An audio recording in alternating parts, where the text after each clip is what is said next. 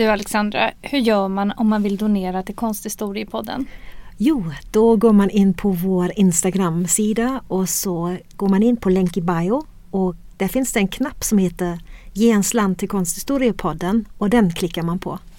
Hej! Vi från Konsthistoriepodden vill bara påminna er om att följa oss på Instagram och Facebook där vi ofta laddar upp annat bildmaterial som hör ihop med våra poddavsnitt.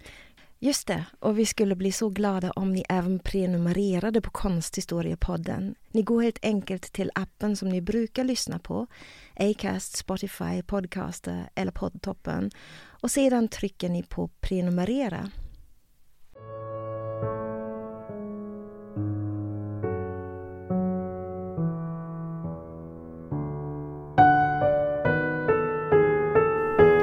Hej och välkomna till Konsthistoriepodden. Jag heter Alexandra Frid. Och jag heter Alexandra Härlitz och idag ska vi prata om ett konstverk som nog kan räknas till ett av de mest kända verken i hela världen. Ja, det är ett verk som har berört många och det har blivit en symbol för krigets meningslösa våld. Och utifrån denna symbolik finns den nu för tiden också som en replika i FNs högkvarter i New York. Men för att se originalverket ska vi stanna kvar i Madrid även i detta poddavsnitt. Men nu tar vi oss alltså från Prado-museet till Museo Reina Sofia, där konstverket som vi ska prata om idag hänger. Det är Pablo Picassos Guernica som målades 1937. Guernica är en enorm målning som mäter 3,49 gånger 7,76 meter. Det är Pablo Picassos största målning och ett av hans mest berömda verk. Bildytan mäter 27 kvadratmeter och visar i enbart svart, vitt och grått en scen av stort lidande där vi ser flertalet abstrakta mänskliga figurer och djur vars utslagna armar och ansiktsuttryck med vidöppna munnar som ger uttryck för obeskrivlig smärta, förtvivlan och förödelse. Picasso skapade en helt egen bildvärld och symbolik i denna målning som vi ska titta närmare på i dagens poddavsnitt. Men först ska vi berätta lite om konstnären Pablo Picasso och det spanska inbördeskriget som ligger till grund för själva motivet i målningen Guernica. Pablo Ruiz Picasso föddes 1881 i den sydspanska staden Malaga i Andalusien. Picassos far var bildlärare och den unge Pablo lärde sig de sedvanliga teknikerna av honom. Han visade tidigt konstnärlig skicklighet och vid tio års ålder började han signera sina verk med sin mors flicknamn Picasso. I sin ungdom studerade Picasso vid flera konstskolor i Barcelona och till slut vid den Kungliga Akademin i Madrid som han dock lämnade utan examen.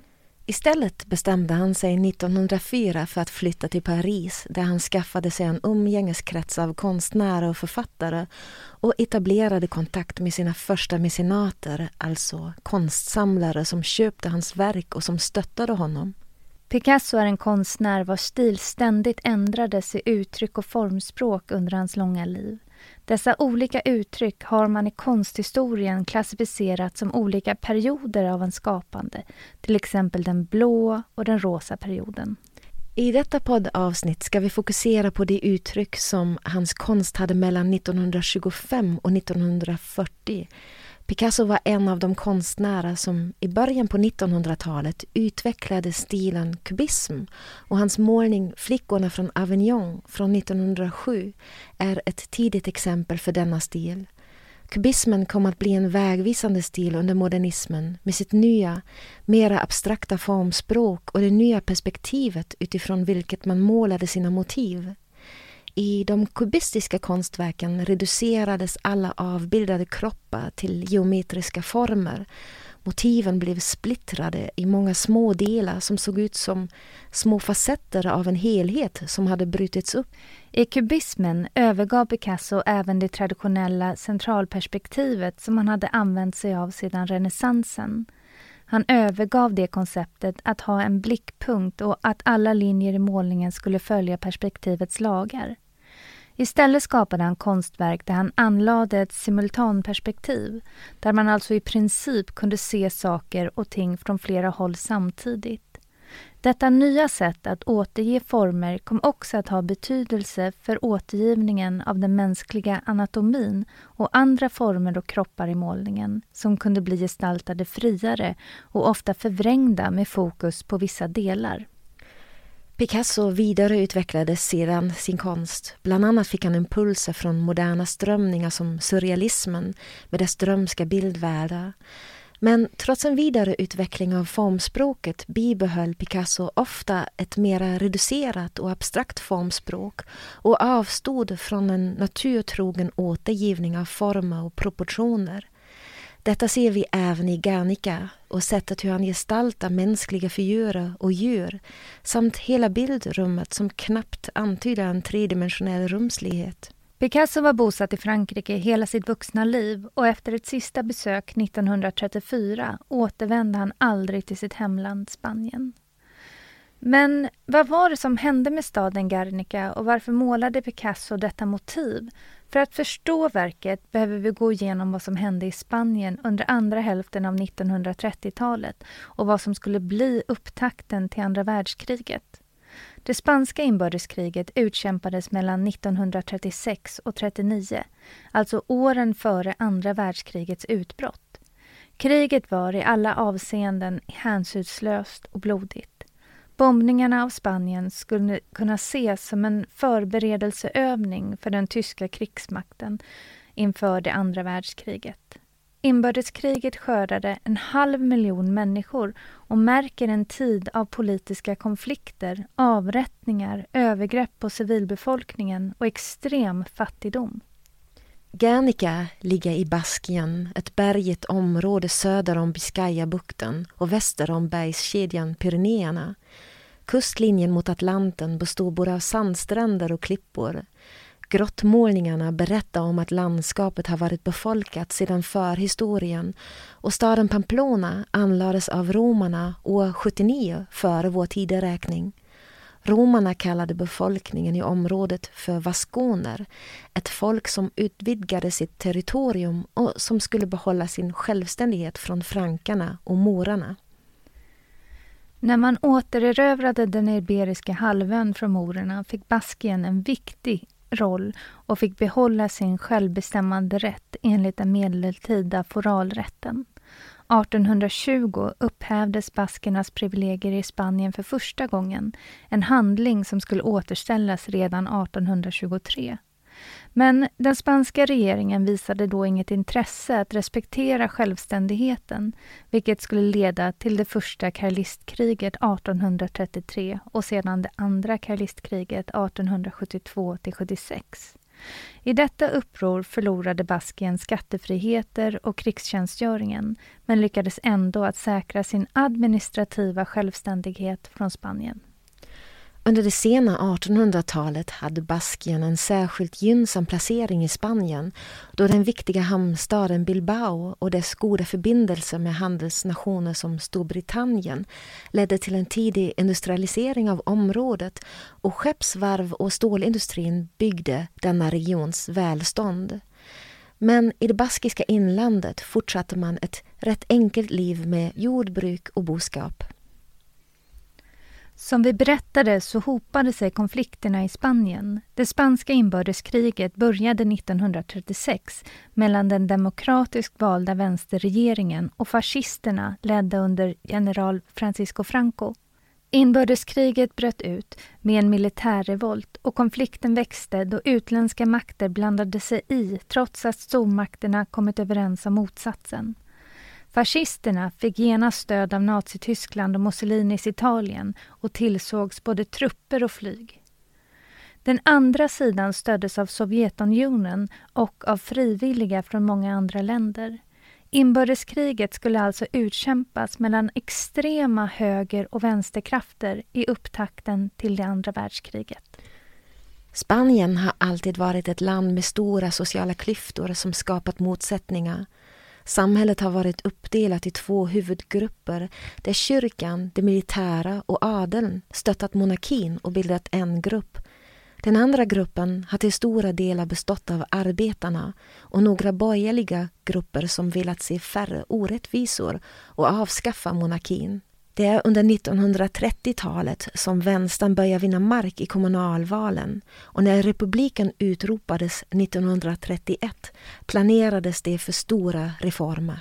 Då det spanska valet vanns av den så kallade Folkfronten 1936 så skapade denna vänstersammansättning än mer konflikt med högern. Baskien utropade sig självständigt och i juli 1936 iscensatte den fascistiska generalen Francisco Franco en statskupp varpå regeringen i Madrid retalierade med att lösa upp armén och utlyste allmän mobilisering. Inbördeskriget var ett faktum. 1937 samlade Franco nationalisterna och i och med det grundades det fascistiska Falangpartiet. Den 26 april 1937 vid halv fem-tiden skulle staden Guernica i Baskien bombas av den tyska Kondolegionen. Medan människorna besökte marknaden dundrade bombplan in över staden. Bombningarna pågick under några timmar och människor flydde för sina liv. Guernica var inget militärt mål utan en plats där människor dödades för dödandets skull. När den tyske befälhavaren Wolfram von Richthofen hade genomfört attacken var staden jämnad med marken. Dödstalen från denna terrorakt är inte kända. Staden hade omkring 5 000 invånare och det har uppskattats att allt ifrån några hundra till tusentals dödsoffer. Under det spanska inbördeskriget anslöt sig vänstersympatisörer från hela världen och man såg på kriget som en kraftmätning mellan fascism och demokrati. På den spanska vänsterns sida slogs den internationella brigaden till vilken ungefär 500 svenskar anslöt sig till. Cirka 150 av de svenska frivilliga stupade i det blodiga kriget som alltmer förvandlades till en kamp mellan fascister och kommunister. Sverige bedrev genom fackföreningsrörelser en av de största solidaritetsinsatser genom tiderna. Kommittéer och stödfonder upprättades som stödde vänstersidan. Det fanns även en fadderbarnsorganisation som drevs av fackliga förbund. Många svenskar engagerade sig i frågan och den svenska hjälpkommittén för Spanien bildades med den socialdemokratiska riksdagsmannen och advokaten Georg Branting som ordförande. Med andra ord, det internationella engagemanget i det spanska inbördeskriget var stort. Och nu ska vi gå vidare och prata om konstverket Guernica. Picasso målade Guernica i Paris mellan den 1 maj och den 4 juni 1937 och målningen visades för första gången på världsutställningen i Paris den 12 juli 1937. Den spanska regeringen hade gett Picasso uppdraget att måla ett verk till den spanska paviljongen på världsutställningen och Picasso bestämde sig att tematisera de aktuella bombningarna av staden Guernica. Picasso sa 1937 att man som en konstnär som lever med och hanterar andliga värden inte kan agera likgiltigt gentemot en konflikt i vilken humanitetens och civilisationens högsta värden står på spel. Redan 1936 hade Picasso fått uppdraget av den spanska regeringen och han hade då redan en bildidé som hade titeln Målare och modell. Men efter attacken mot Guernica förkastade han sin ursprungliga idé och började arbeta med det nya temat för målningen. Delar av det tidigare projektet med ateljéscenen som visades i Målare och modell kom även att få sin plats i den slutliga kompositionen av Guernica. För Picasso var det en omfattande men oerhört snabb process att skapa verket. Han skapade det på bara få veckor.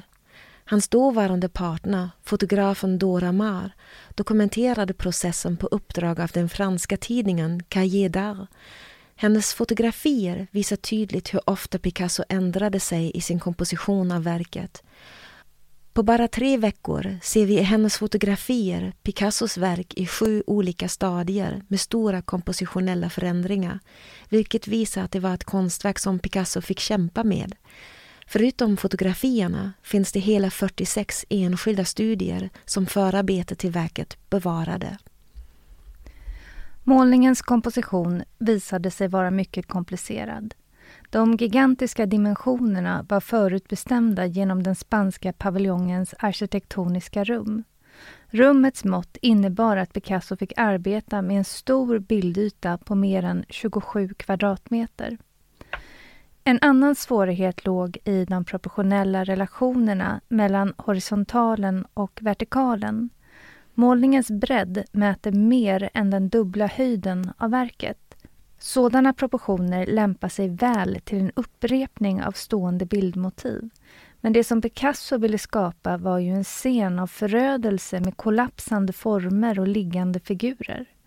För att lösa dessa svårigheter återgick Picasso till gestaltningsmedel och ett formspråk som han hade testat redan tidigare. Figurerna i målningen är något abstraherade och fragmenterade och vid en första blick inte helt lätta att läsa. Samtidigt som man som betraktare direkt förstår att man beskådar en tumultartad och dramatisk händelse. Både till vänster och till höger av målningen ser vi figurer som öppnar sina förvrängda munnar så att de förefaller att skrika av smärta. I mitten ser vi en häst vars flank genomborras av ett spjut som kommer ovanifrån. Man har tolkat detta som en liknelse för bomberna över Guernica som också föll från himlen. Picasso hade sin alldeles egen ikonografi. Med ikonografi menas här en bildsymbolik som han har etablerat. Hästen till exempel är återkommande i Picassos konst och står i hans bildvärld för det absoluta lidandet. Hans framställningar av tjurfäktning, den så kallade corrida, ser vi ofta tjur och häst som motståndare och inte tjur och människa.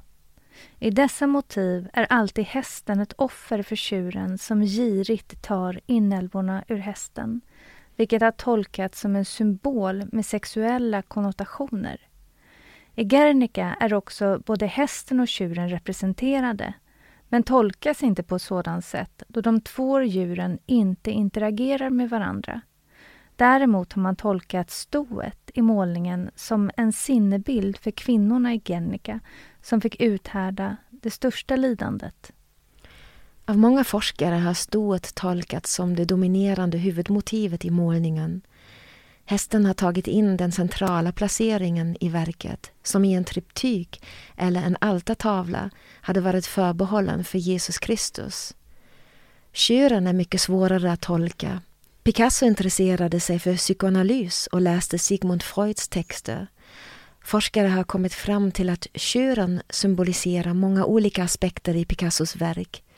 Tjuren kan i hans verk avläsas som styrd av sina drifter men även som en kraft, ibland till och med brutalitet, ibland också som en symbol för uppror och revolution. I motsatsen till stoet är tjuren i Picassos verk inte att tolka som en enbart positiv eller enbart negativ figur.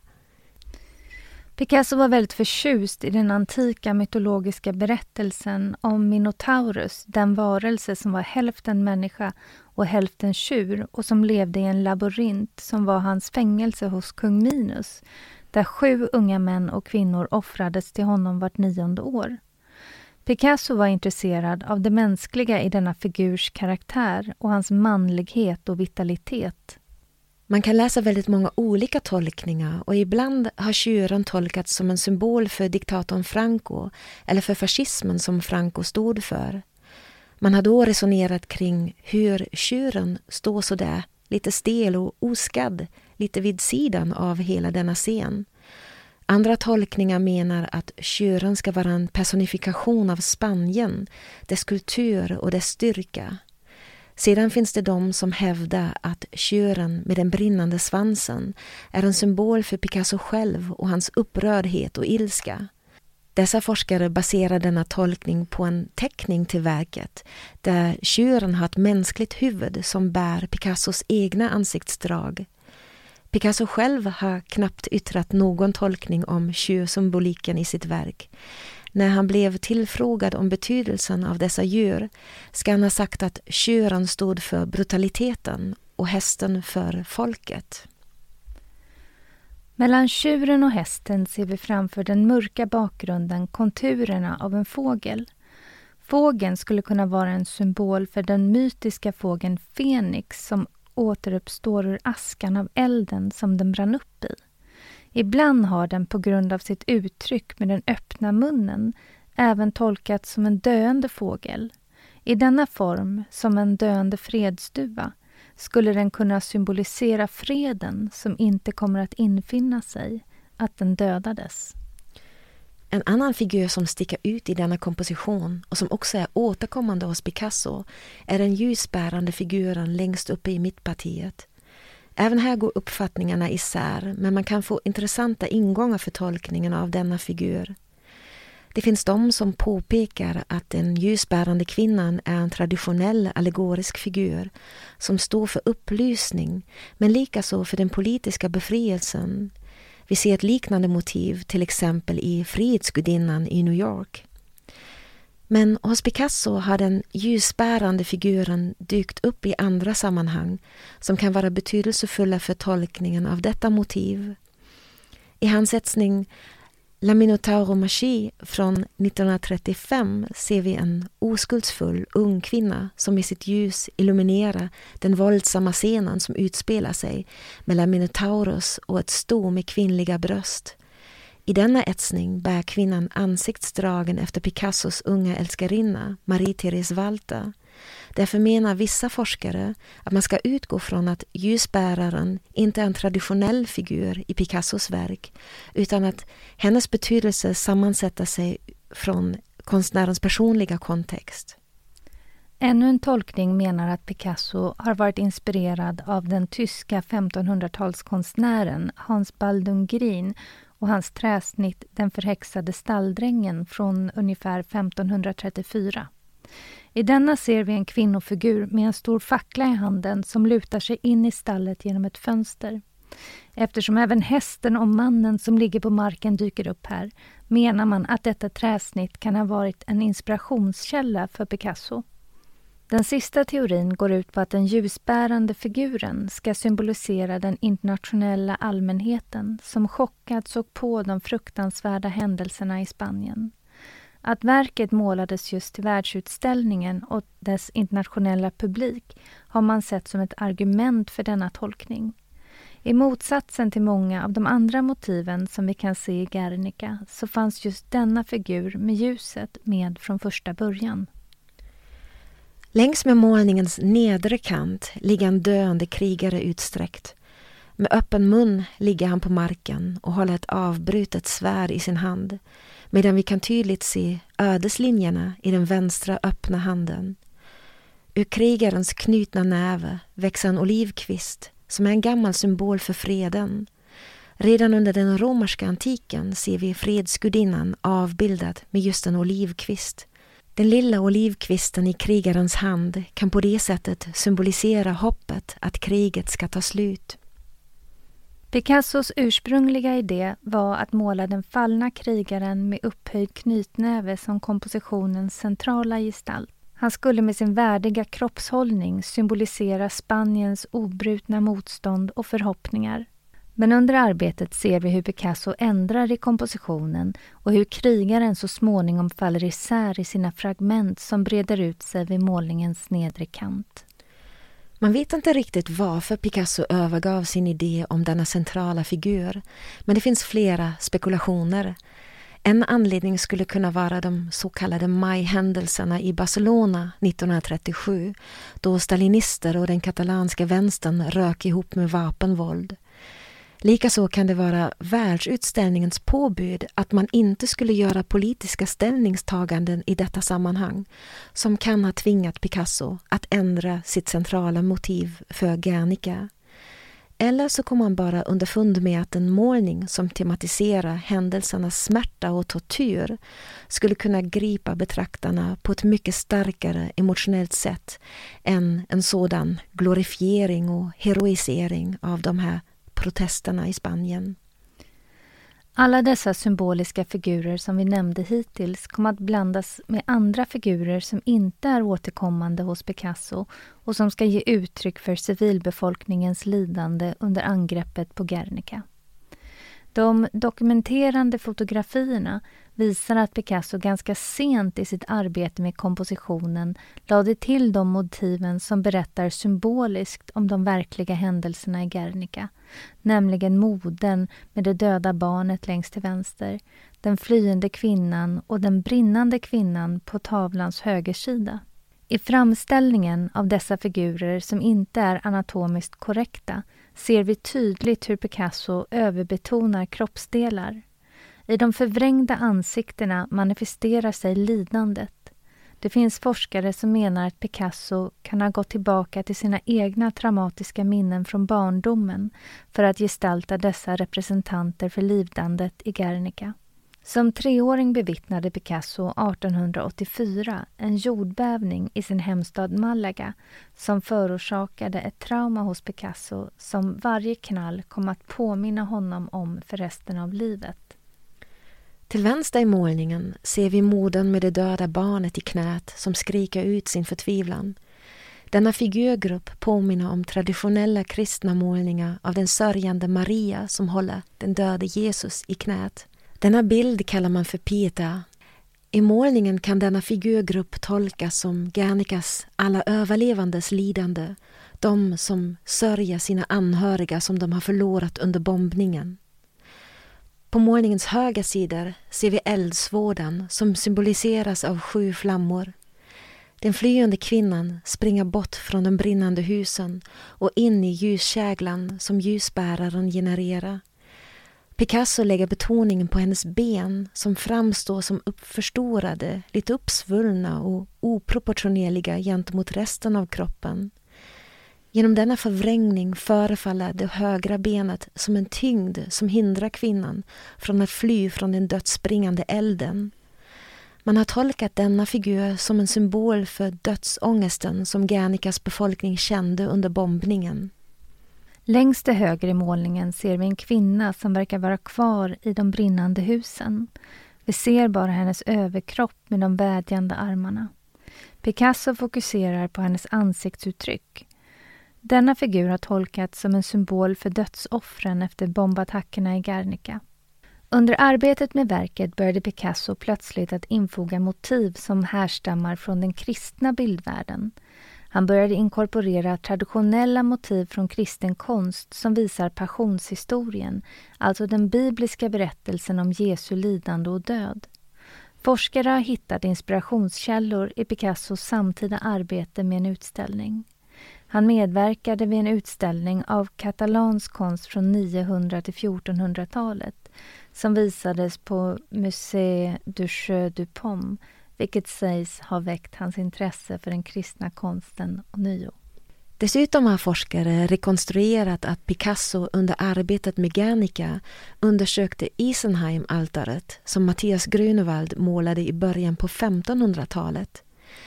I alla fall kan man se att Picasso delade upp den breda tavlan i tre delar som ska påminna om en triptyk, alltså en tredelad målning så som vi ofta ser på altartavlor som kan öppnas.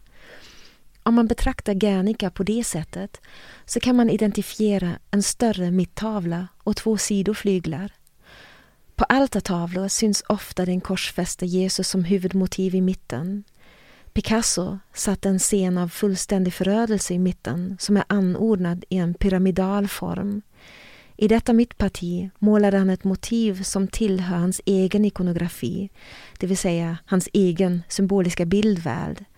Han målade döende stoet och ovanför hästens kropp satte han en taklampa som påminner oss till sin form om det allseende ögat. Denna symbol av ett öga som ofta är omgiven av strålar och placerad inuti en triangel är en symbol för Guds öga som ser allt och som vakar över mänskligheten. Vi ser det till exempel på de amerikanska dollarsedlarna. Där vi nu för tiden ser taklampan målade Picasso först en sol med solstrålar som omslöt krigarens utsträckta knytnäve. Men när Picasso förändrade motivet och den fallne krigaren fick sin nuvarande position på marken gjorde han om solmotivet. Han målade istället det som har beskrivits som en taklampa där man ser en tydlig glödlampa med glödtråden i det päronformade glaset. Glödlampan har setts som en markör som visar att bildens motiv härstammar från vår egen tid i vilken vi har elektriskt ljus. Istället för det gudomliga ljuset i kristna altartavlor ser vi här en banal verklig ljuskälla. Därför har taklampan ibland tolkats som en symbol för vår egen värld där ingen kristen frälsning verkar finnas. Samtidigt har forskare också uppmärksammat en spansk ordlek som kan ligga bakom taklampan. På spanska betyder glödlampa la bombea, vilket kan syfta till la bomba, alltså bomberna som jämnade Guernica med marken. Men även andra symboler ur den kristna bildsfären dyker upp i Picassos Guernica. Vi ser ett stort sår i hästens flank som påminner till sin form om spetsen av en lans. Även detta sår kan påminna oss om passionshistorien och den så kallade heliga lansen eller ödets spjut. Enligt den bibliska berättelsen är det en av soldaterna som stack upp sidan på Jesus med sin lans varpå det kom ut blod och vatten. I Mittpartiets fokus hade Picasso först tänkt sig en döende soldat istället för den korsfästa Jesus på kristna tavlor. Men sedan ändrade han sig och den döende soldaten hamnade i målningens nedre del där han är uppbruten i små delar som läggs horisontellt i rad likt en relik, alltså ett föremål eller kvarlevor som kan knytas till ett helgon som ofta förvaras i ett relikskrin vid altaret. Om man fortsätter att läsa hela målningen som ett kristet altare så kan man tolka den döende soldaten med sina utsträckta armar som ett predella-motiv. En predella är en sockel som sitter under altartavlan och som ofta pryds av målningar eller reliefer. Predellan under altartavlor visar ofta Jesu gravläggning eller liknande scener där Jesus döda kropp ligger utsträckt ungefär som den döende soldaten i Guernica. Om vi ser Guernica som en tredelad altartavla med två sidoflyglar kan den vänstra bilden påminna om det kristna Pieta-motivet som vi nämnde, alltså Maria med den döde Jesus i knät. Den högra sidan av målningen visar eldsvådan som härjade i Guernica under det fruktansvärda angreppet. Samtidigt har de sju flammorna tolkats att symbolisera siffran sju i kristendomens berättelse om apokalypsen. En viktig kompositorisk detalj har vi ännu inte nämnt, trots att den är så uppenbar. Målningen är ju skapad enbart i svart, vitt och gråa nyanser. Picasso använder inga färger. Det finns källor som visar att Picasso ursprungligen hade planer på att måla Guernica i färger men att vänner avrådde honom under skapandeprocessens gång i ateljén. Avsaknaden av färgerna i detta krigsmotiv har tolkats på olika sätt. Man kan å ena sidan läsa att Picasso ville anpassa sin målning till den fotodokumentation om inbördeskrigets offer som visades på andra våningen av den spanska paviljongen på världsutställningen i Paris.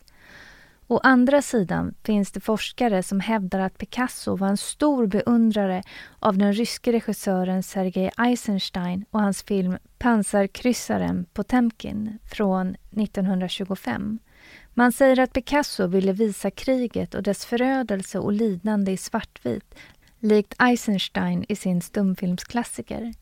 Ett annat skäl som forskare har identifierat är att Picasso med sin dystra målning kan ha velat skapa en motpol till den glada och färgglada världen som de andra paviljongerna av utställningen tecknade.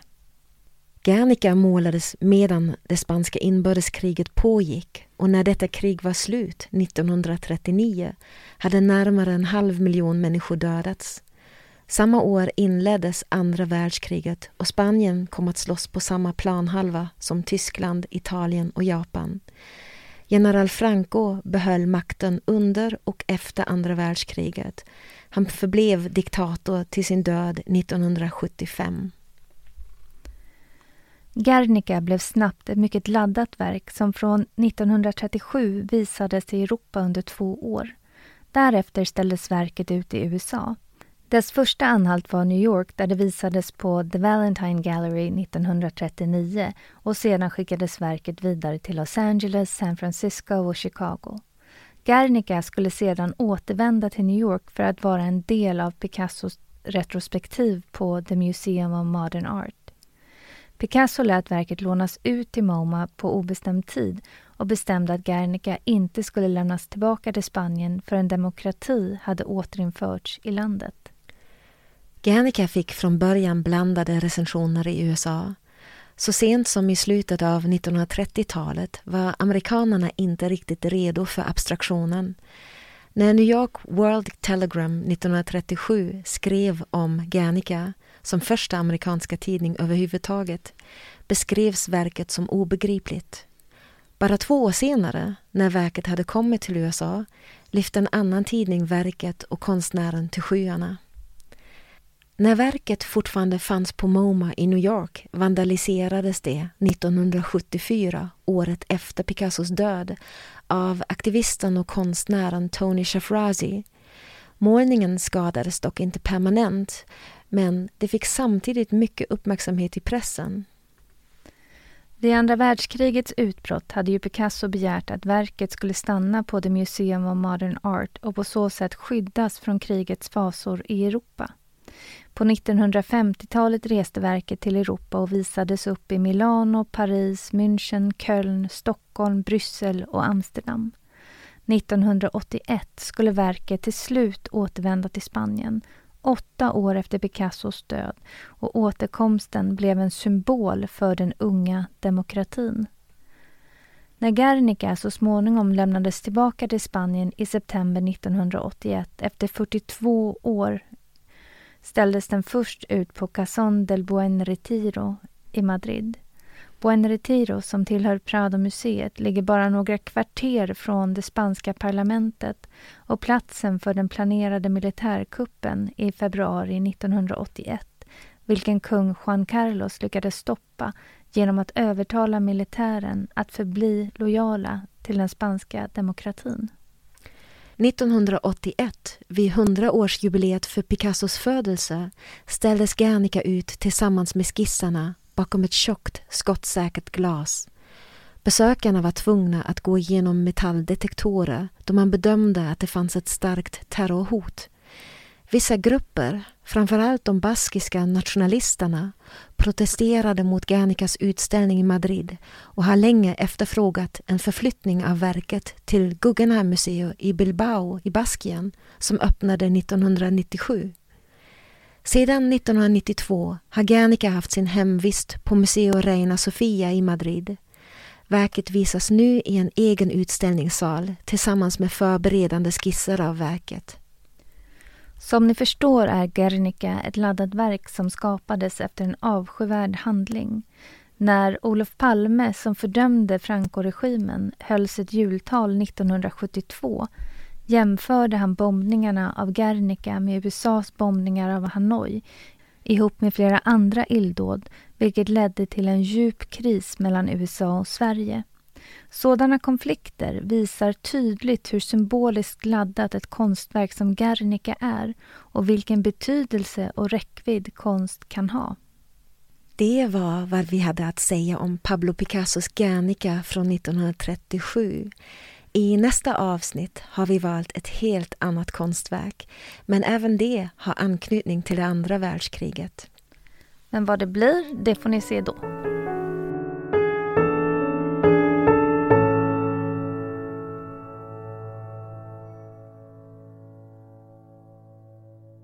Konsthistoriepodden görs med stöd av Gustav Adolf Bratts minnesfond och Göteborgs universitet.